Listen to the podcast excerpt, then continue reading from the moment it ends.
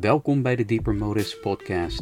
In deze podcast belicht ik graag onderwerpen die geen of weinig aandacht krijgen in de samenleving of media. Of dingen die juist overbelicht worden en door de media gebracht worden als issues waar wij iets om horen te geven.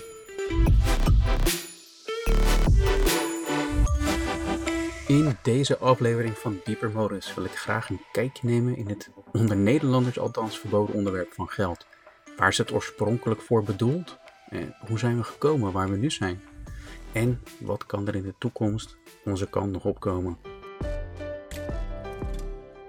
Ik weet dat het niet gepast is om over geld te praten. En ik ga niet over mijn eigen geld praten, want als ik dat zou doen, dan zouden we een, hele korte aflevering hebben vandaag. Maar er zijn toch dingen gaande die best belangrijk zijn om te delen. Nou, voordat ik verder erin ga duiken, kan ik natuurlijk zeggen dat ik, eh, ik ben geen financieel adviseur.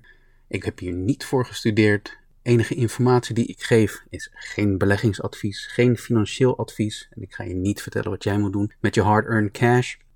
Maar er zijn een aantal dingen waar je je bewust van moet wezen.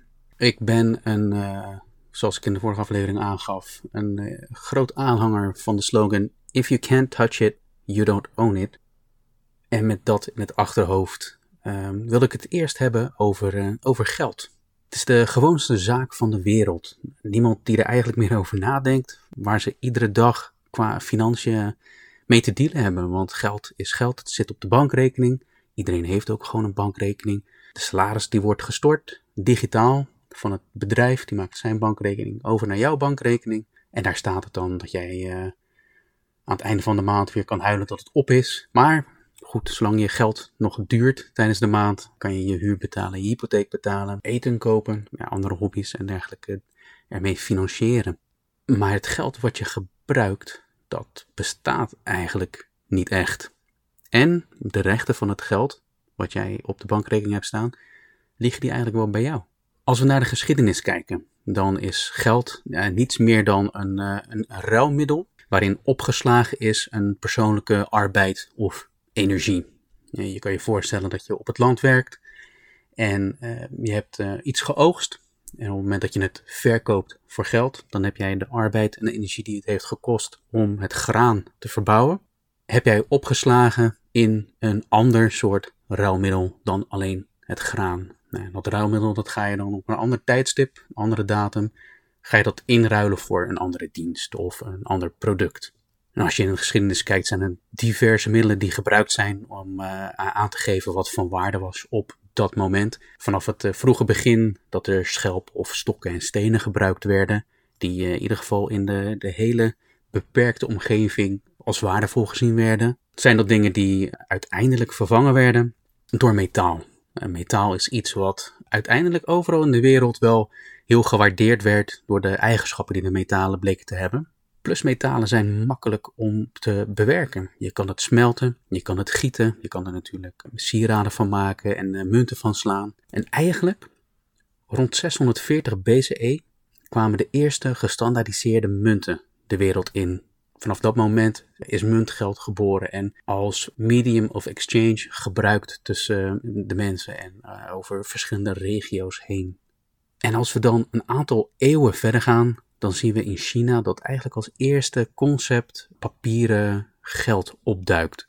Je kan je voorstellen dat kooplieden gingen reizen en die hadden aardig wat goud tot hun beschikking, of munten of andere kostbaarheden. En ja, die ga je niet meenemen en die ga je ook niet achterlaten in je huis. Dus wat ze toen deden was de, de kostbaarheden achterlaten bij mensen die ze vertrouwden. Nou, toen tekenden ze een contract van ik heb bij jou zoveel goud gestald en op het moment dat ik terugkom dan wil ik zoveel goud terug van jou. Nou, dat verliep eigenlijk best wel goed. En uh, de kooplieden die gingen weg. Die kwamen terug en die kregen hun goud gewoon weer netjes terug. En op een gegeven moment beseften de mensen die dus die papiertjes uh, hadden, dat het eigenlijk ook wel handig zou zijn om alleen de papiertjes te ruilen. Want op het moment dat jij natuurlijk je geld bij iemand hebt uh, gestald, zou het makkelijker zijn om het papiertje aan iemand anders te geven, die dus zo'nzelfde hoeveelheid goud nodig heeft dan dat het is dat jij naar die persoon toe gaat en je gaat je goud halen en daarna weer naar de andere persoon waar je dus een, uh, een ruilhandel mee wil doen. Dus de handel in, in papier, dat was in, uh, in China al vrij vroeg aan de gang. En rond de 11e eeuw, geloof ik, begon China zelf als overheid ook uh, papieren geld te drukken, wat nog wel goud of edelmetalen als, als basis had. Als we dan naar Europa kijken, dan heb je de, de, de Knights Templar, de, de Tempelierridders. Die begonnen rond de, rond de 12e eeuw zelf bankdiensten te exploiteren. En die bankdiensten die boden ze aan aan mensen die dus rond de kruistochten en zo actief waren. En je kan je voorstellen dat daar een heel groot netwerk ontstond van allemaal kastelen met grote beveiligde kluizen, waar allemaal kostbaarheden opgeslagen waren. Maar ook daar kwam een einde aan. Uh, rond de, de 14e eeuw, toen 200 jaar later nadat ze het begonnen waren, had de paus gezegd, weet je wat, kruistochten, daar, daar zijn we niet zo'n fan meer van. En die bankdienst eigenlijk ook niet. Dus hij heeft volgens mij toen de hele Templar orde heeft hij dus ontbonden. Maar het hele concept van een, een bank en een plek waar uh, geld opgeslagen kan worden, wat je later dan weer terug kan halen, dat, uh, dat is aangeslagen. En uh, er zijn heel veel rijke Italiaanse families die begonnen om deze diensten ook aan te bieden aan gewone mensen. En daar hadden ze een heel mooi concept te pakken, dat ongeacht wat je religie was, ongeacht wat je afkomst was, iedereen kon bij deze banken dus hun, hun geld kwijt. En met een, een papier dus uh, gelijke waarde bij een ander filiaal als het ware van die bank opnemen. En in Engeland begonnen ze mid 17e eeuw met het uitgeven van papieren waar geen naam op stond. En dat was eigenlijk de geboorte van gold-backed currencies. Dus dat je een papier had en op het papier stond een, eh, een, waarde van goud. En dat goud kon in alle filialen van, uh, van zo'n bank kon dat opgehaald worden. Het vertegenwoordigde gewoon een hoeveelheid, een gewicht aan goud. Bedenk je dus, geld had toen een echte waarde. Het papier waarop het gedrukt was, dat was zelf niks waard. Maar je kon fysiek wel goud inruilen voor je papieren geld. Dan gaan we fast forward weer een paar jaar de toekomst in. En uh, rond 1944, toen kwam er een uh, Bretton Woods afspraak. Dat waren een aantal landen die samenkwamen onder uh, leiding van Amerika. Tegen het einde van de Tweede Wereldoorlog. Veel landen die zaten financieel aan de grond uiteraard. En Amerika die stelde voor dat zij dus uh, de dollar gingen linken aan goud. De dollar die zou daarmee dus eigenlijk de functie overnemen van de andere papiertjes die tot aan die tijd gebruikt werden om uh, goud mee terug te kunnen kopen. En andere landen die gingen daarin mee. Ze gingen dollars inkopen en aangezien de dollar toch overeenkwam met een bepaalde gewichtwaarde aan goud, was dat een, een hele veilige investering voor hun. Want ze konden dus altijd naar Amerika, gaan en zeggen van joh, ik wil goud in ruil voor zoveel dollar. Een aantal jaar later merkte dat er aardig wat landen langzaam van de Bretton Woods afspraak af wilden gaan stappen. En rond 1971, toen ging de dollar officieel van de gold standard af. Vanaf dat moment was het niet meer een gelinkte uh, valuta aan goud, maar geld had vanaf toen alleen een waarde omdat de overheid zei dat het een waarde had. En dat is de geboorte van uh, het fiat geld, wat we op dit moment hebben. Fiat is een uh, Latijnse term voor let it be done. En let it be done, dat slaat eigenlijk op de overheid die dan zegt, ja, dit geld heeft een waarde. Ook al is het papier wat niks waard is. Ook al is het papier wat je daarna ook niet kan inruilen, één op één voor een vaste hoeveelheid, wat wel intrinsieke waarde heeft. Dit is waarvan wij zeggen dat wij dus uh, hier handel in gaan, uh, gaan voeren. En aangezien de hele wereld toen uh, al enorm veel dollars in circulatie had, dachten andere landen het zal wel loslopen. En dan merk je dat iedereen dus de touwtjes los heeft gelaten en maar in deze drijvende markt waar valuta's dus eigenlijk fluïde gelinkt zijn aan de dollar en de dollar is eigenlijk nergens aangelinkt, dat leidt tot steeds erger wordende inflatie. Iets wat wij vandaag de dag merken. Om je even een mentaal beeld te schetsen over hoe de financiële markt eruit kan zien als je er een tekening van zou maken, dan kan je je voorstellen dat de grond waar we een toren op willen bouwen of waar je op wil gaan staan, dat is de, de, de handel-economie, de, de barter-economie.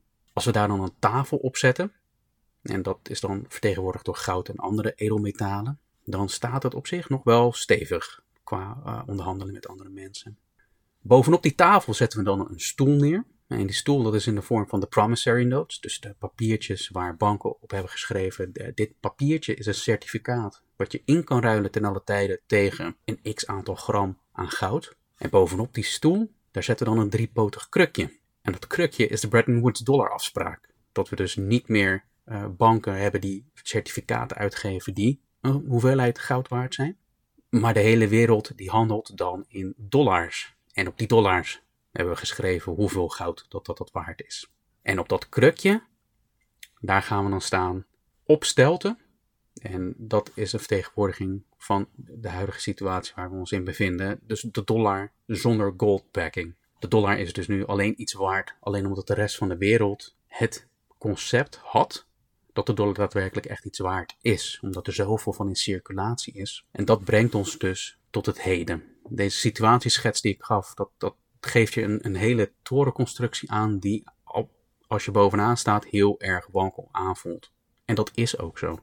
De economie is ook wankel. de enige manier dat dit dus kan blijven doorgaan, is als je niet naar beneden kijkt. Want als je naar beneden zou kijken en je ziet die hele constructie, something's gotta give. Ik had al aangegeven dat geld niet meer gold-backed is. En dat betekent dus dat eh, geld zoals wij het dit moment gebruiken, daar zit geen uh, daadwerkelijke asset achter. Niet echt iets vanuit intrinsieke waarde. Geld zelf heeft ook geen waarde. Als je het papier ziet waar het op gedrukt wordt, soms hebben ze inderdaad om uh, valse munterij tegen te gaan, hele creatieve dingen bedacht om, om daar geld mee te maken. Maar uiteindelijk is het zeker weten niet de hoeveelheid waard als wat erop gedrukt staat. En wat het ons brengt, is eigenlijk de verwarring dat het feit dat je met geld dingen kan kopen, dat geld daardoor iets waard is. En dat is eigenlijk natuurlijk niet helemaal waard. Maar alleen dat je ergens iets mee kan kopen, betekent niet dat het een waarde heeft. Het huidige geldsysteem heeft een waarde omdat we met z'n allen hebben afgesproken dat het ook echt iets waard is. Die papiertjes, of tegenwoordig geen papiertjes meer natuurlijk. Waarom heeft het geen waarde? En dat is omdat centrale banken geld uit niets maken. Op het moment dat jij ergens eh, een waarde aan toekent, dan is het iets wat bestaat en wat niet zomaar meer kan worden. Dat is belangrijk voor het, het ding om zijn waarde te behouden. Dus denk aan goud, denk aan zilver. Dat, dat zijn edelmetalen die uit de grond gewonnen worden en daar komt niet magischerwijs ineens enorm veel meer van. En dat zorgt ervoor dat het de waarde vast is. En datzelfde heb je niet met geld. Geld is eigenlijk waardeloos. En dat merk je terug aan de inflatie die dus daardoor ook komt. Want inflatie is niets meer dan het extra bijprinten van geld en het in circulatie brengen van geld. En dat zorgt ervoor dat het geld wat jij in je handen of in je portemonnee of op de bank hebt staan, dat dat minder waard wordt. Want als er ergens meer van is, dat betekent dat je er meer voor nodig hebt om dat in te ruilen tegen iets anders. En de centrale banken, dat zijn eigenlijk privaatbanken. En dat maakt het geheel natuurlijk nog een heel stuk ingewikkelder. Dat het niet een overheid of een overkoepelende, uh, gecontroleerde organisatie is, maar het is een eigen entiteit. En dat maakt en dat leent geld uit aan overheden en banken. En in ruil daarvoor krijgt het uh, obligaties, waardoor ze dus kunnen inruilen in de toekomst voor geld. Of in ieder geval dat ze een, belofte kunnen doen dat, uh, dat ze ook daadwerkelijk iets waard zijn. Dat ze iets van waarde in hun kluis hebben als het ware. Maar het is wel belangrijk om bij stil te staan. Want eh, zou het niet zo moeten zijn dat iedereen altijd en overal 100% recht zou moeten hebben op al het geld wat op zijn naam staat? Als we denken dat geld, dus hetgene wat je op je bankrekening hebt, dat dat een vertegenwoordiging is van jouw bloed, zweet en tranen. Dat dat een voorstelling maakt van de energie die je ergens in hebt gestopt en opgeslagen hebt om er later in de toekomst of de nabije toekomst eh, van andere dingen te kunnen genieten. Zou je daar niet ten alle tijde gewoon recht op moeten hebben? En dat is iets wat wij op dit moment zeker niet hebben. Uh, datgene waar we in handelen, als we dus geld handelen, zijn in principe alleen maar beloftes van banken aan andere banken aan andere banken. Denk aan bijvoorbeeld je hypotheek. Op het moment dat je een hypotheek hebt en je sluit hem af, dan stelt een bank 0%, 0 kapitaal beschikbaar voor jou om jouw huis te betalen. Je krijgt geen grote zak met knaken die je dan neerploft bij de notaris. Het enige wat een bank doet is een belofte maken dat die bank de schuld gaat dragen richting een andere bank op het moment dat de persoon die koopt niet meer voor het pand kan betalen. Wat best wel heel erg creatief is als je er zo over nadenkt, want ze hoeven niks te doen. Er is geen eerlijke echte ruil van iets, want ze hebben geen kapitaal wat ze neergooien, er staat niets tegenover. Maar ondertussen moet jij wel het huis af gaan betalen. En als dat niet kan, dan is het huis alsnog eigendom van de bank. Dus de belofte van de bank die ze zetten tegenover jouw inzet en jouw jarenlange zwoeg om te kunnen betalen voor jouw voor jouw huis is in principe gewoon een leugen. En dat brengt ons bij het verdwijnen van cash. Cash als betaalmiddel, dat geeft vanuit nature uh, iemand al een aantal voordelen. Uh, cash als betaalmiddel, dat geeft je privacy. Niemand die over je schouder meekijkt wat je koopt, wanneer je het koopt, hoe je het koopt, hoe vaak je iets koopt. Het geeft je autonomie. Je kan je geld nemen en je kan zelf beslissen waar je heen gaat, waar je het geld aan uitgeeft en uh, aan wie je het geld wilt geven en hoe je het wilt gebruiken. En dat is wat mij betreft een, een grondrecht van iemand, dat ze zelf beslissen wat ze met hun inspanning uh, uiteindelijk als beloning uh, belonen. Cash is niet zomaar af te pakken. Uh, ja, natuurlijk, er zijn mensen die in je huis inbreken, bla bla bla, allemaal van dat soort dingen. Maar als we eventjes kijken naar het concept cash, het is niet zomaar door een overheid of door een bank af te pakken. Dat zou betekenen dat ze iedere burger af moeten gaan om geld weg te halen. En nou is dat in het verleden wel gebeurd natuurlijk. Uh, denk alleen al aan uh, Amerika tijdens de Tweede Wereldoorlog, dat ze al het goud dus van burgers weghaalden. En dat het dus verboden werd om goud te bezitten. Wat uiteindelijk heeft geleid natuurlijk tot die Bretton Woods afspraak. Want ja, als ze al het goud inzamelen, dan hebben ze heel veel goud nodig om zo'n afspraak te kunnen maken. Maar goed, het is niet zomaar af te pakken, daar gaat het om. En het is heel moeilijk om regels en wetten te implementeren om uh, geldstromen dus te beïnvloeden. Want als jij gewoon cash in je portemonnee hebt, ja, ga dan maar eens een wet maken dat je ergens je geld niet aan mag geven. Dat zou betekenen dat je dus op ieder verkooppunt eigenlijk een, uh, een, politieagentje moet hebben staan. Die gaat controleren of hetgene waar jij je geld aan uitgeeft, of dat ook wel echt wel mag. En dat gebeurt natuurlijk niet. Daarnaast kun je het natuurlijk ook hebben over de psychologische effecten van het hebben van fysiek geld. En dat is iets wat wij vandaag de dag steeds minder hebben. Uh, het gevoel dat we contact hebben met het geld, met de hoeveelheid geld en wat voor implicaties dat met zich meebrengt. Als kind zijnde en je hebt maar 10 gulden in je portemonnee en je gaat naar de winkel toe, nou, daar ga je heel anders mee om. Je gaat heel anders kijken naar de spullen die in die winkel staan dan dat iets eigenlijk op een bankrekening staat en je weet in je achterhoofd dat het getalletje een 10 is, maar ergens weet je ook in je achterhoofd dat je ook nog naar min 500 zou kunnen gaan. Dus jezelf in schulden steken is daarbij veel en veel makkelijker. Het grappige is ook als we naar de, de, de M0 money supply gaan kijken. En dat betekent eigenlijk gewoon voor hoeveel cash hebben wij in Nederland. Wat dus in circulatie en in opslag is. Dan is dat 83 miljard euro. En ik zou je bijna willen vragen om te gokken wat het getal is volgens de Nederlandse bank, de DNB. Wat uh, het getal van spaargeld is wat de burgers van Nederland hebben op hun bankrekening. Dat is vijf keer zoveel als dat er cash is. 427 miljard euro staat er volgens de DNB op de bankrekeningen van de Nederlanders. En natuurlijk is dat niet heel mooi egaal verdeeld, want ik weet niet hoe het met jullie is, maar 427 miljard gedeeld door 17 miljoen, daar komt een bedrag uit wat in ieder geval niet op mijn bankrekening staat. Maar het feit blijft natuurlijk wel dat er fictief geld op een bankrekening staat waar geen daadwerkelijk fysiek geld tegenover staat. Dus waar moet al dat geld vandaan komen? Als iedereen aanspraak zou maken op zijn welverdiende geld. Want denk wel, een gedeelte van dat geld, oud geld van de mensen die dus uh, generatie op generatie geld uh, doorgeven aan hun kinderen. Het geld wat daar staat, het is wel verdiend door de burgers. Uh, door ons energie die wij in onze banen hebben gestoken. En in onze handel en in onze business. En daar komt dus een waarde uit. En dat is die 427 miljard euro. Waar geen assets achter zitten. En dat zijn alleen de spaargelden die op de bank staan. Laat staan dus de gigantische andere getallen die er nog zouden moeten zijn als je bedrijven erbij meeneemt. Als je gemeentes, steden en uh, andere overheidsinstanties meeneemt. Wat zij op hun bankrekening hebben, dat heb ik niet eens kunnen vinden. Dus er is maar een fractie van de hoeveelheid euro's die gezegd worden die in omloop zijn. Dat is fysiek tastbaar. En dan kan je zeggen natuurlijk, hey, banken die beleggen je geld. Want uh, het geld dat zit dan in andere assets. Maar dat is eigenlijk redelijk oneerlijk om te zeggen, want het is zo. En iedereen die weet het op een bepaald niveau ook, dat banken dus gaan beleggen met je geld. Maar eerlijk is het niet. Want op het moment dat jij jouw spaarcenten aan de bank toevertrouwt, zou je daar ten alle tijde dus gewoon toegang tot moeten hebben. En fysiek toegang tot moeten hebben. Want onder die veronderstelling plaatsen wij onze geld bij een bank. Dat de banken de afspraken hebben gewijzigd en het al lang niet meer zo behandelen, dat is een ander verhaal. En dat maakt het ook best wel crimineel in mijn ogen. En als je dan in acht neemt dat een bank bij lange na niet de hoeveelheid cash heeft, uh, wat een vertegenwoordiging zou moeten zijn van de hoeveelheid dingen die ze op de boeken hebben staan, dan merk je of dan realiseer je dat cash de vijand is van de huidige moderne bank. En wat doe je met een vijand? Die probeer je uit te schakelen. En daarmee ook de enorme push naar alles digitaal maken.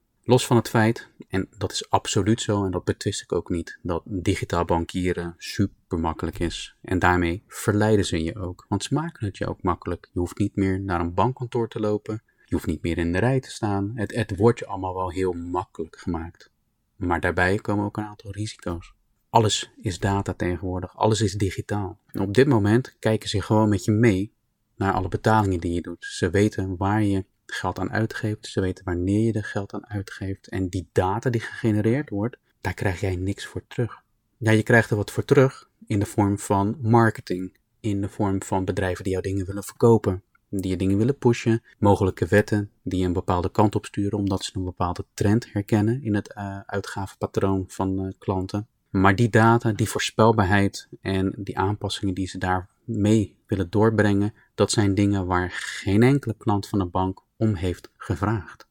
Hetgene wat eigenlijk het vervelendste voor de bank op dit moment nog is, is dat de euro een vervelend betaalmiddel is. Omdat daar een fysieke counterpart voor bestaat. En dat grijpt een klein beetje terug naar het feit dat cash de vijand is van de moderne bank. Zo is de euro dat eigenlijk ook. Want zolang er een fysieke euro bestaat, kunnen ze geen volledige controle hebben over hoe jij je euro's uitgeeft. En helaas hebben we dat tijdens de gezondheidscrisis van de afgelopen jaren gemerkt dat dat echt wel iets is wat ze willen hebben, die controle. En daar kan je lang en kort over zijn. Je hoeft daar echt geen conspiracy-denker over te zijn, want je kan het gewoon lezen in de media. Kijk alleen al naar Canada, hoe ze daar te werk gingen met de, met de trucker protests. Ze hebben bankrekeningen gesloten, uh, fundraisers die gedaan werden om geld op te halen, die werden afgesloten. Het geld werd van ze afgepakt. En uh, het is eigenlijk gewoon een economische oorlogsvoering tegen een demonstratie. En dat is heel erg zorgelijk. Maar goed, wat ik al zei, cash is daar de grootste vijand voor. Want cash kan je nog steeds aan mensen geven zonder dat de overheid of zonder dat een andere entiteit daartussen kan komen. De toekomst voorspelt alleen iets anders. We weten dat de centrale banken dus de banken die uh, controle hebben over uh, de geldvoorraad en die dus ook gewoon geld erbij drukken en gewoon maken. Zij zijn bezig met een digitaal betaalmiddel.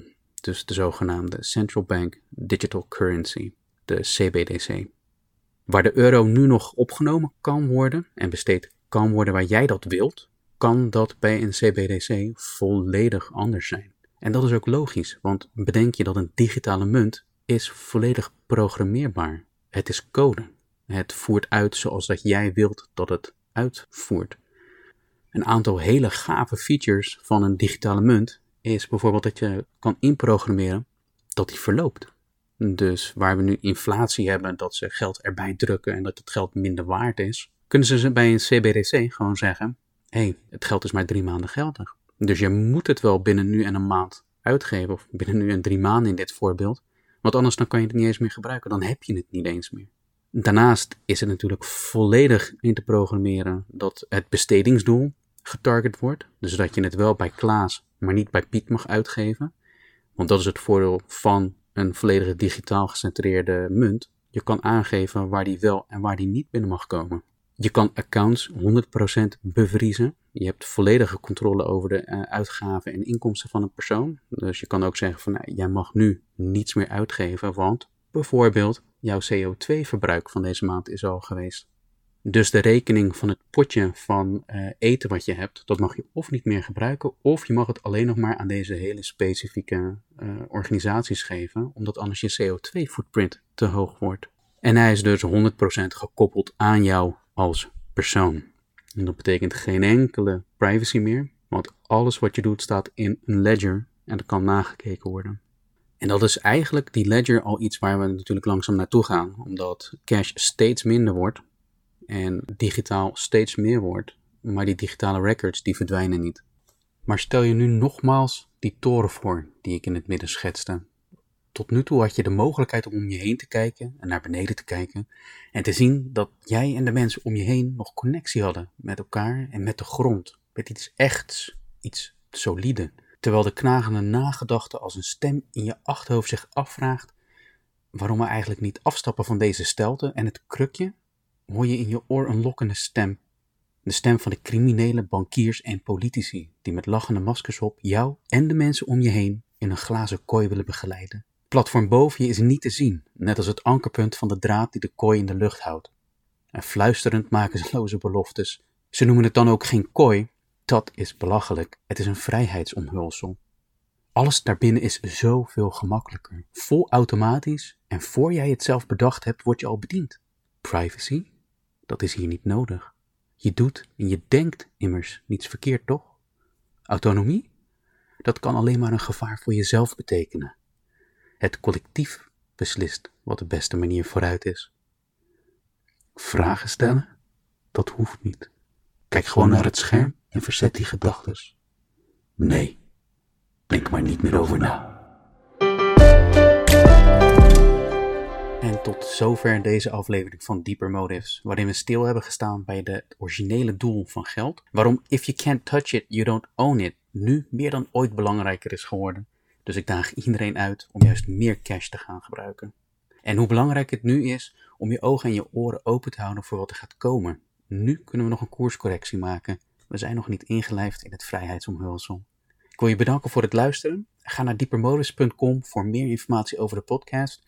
En mocht je contact willen nemen, dan tref je daar de mogelijkheden aan. Of connect gewoon op Instagram. Daarnaast zou het echt een verschil maken op het bereik van de podcast als je deze zou willen delen. Uiteraard like, comment, subscribe. Dan zal ik je op de hoogte blijven houden over de diepere motieven achter gebeurtenissen die onze samenleving vormen en beïnvloeden. Graag tot de volgende aflevering.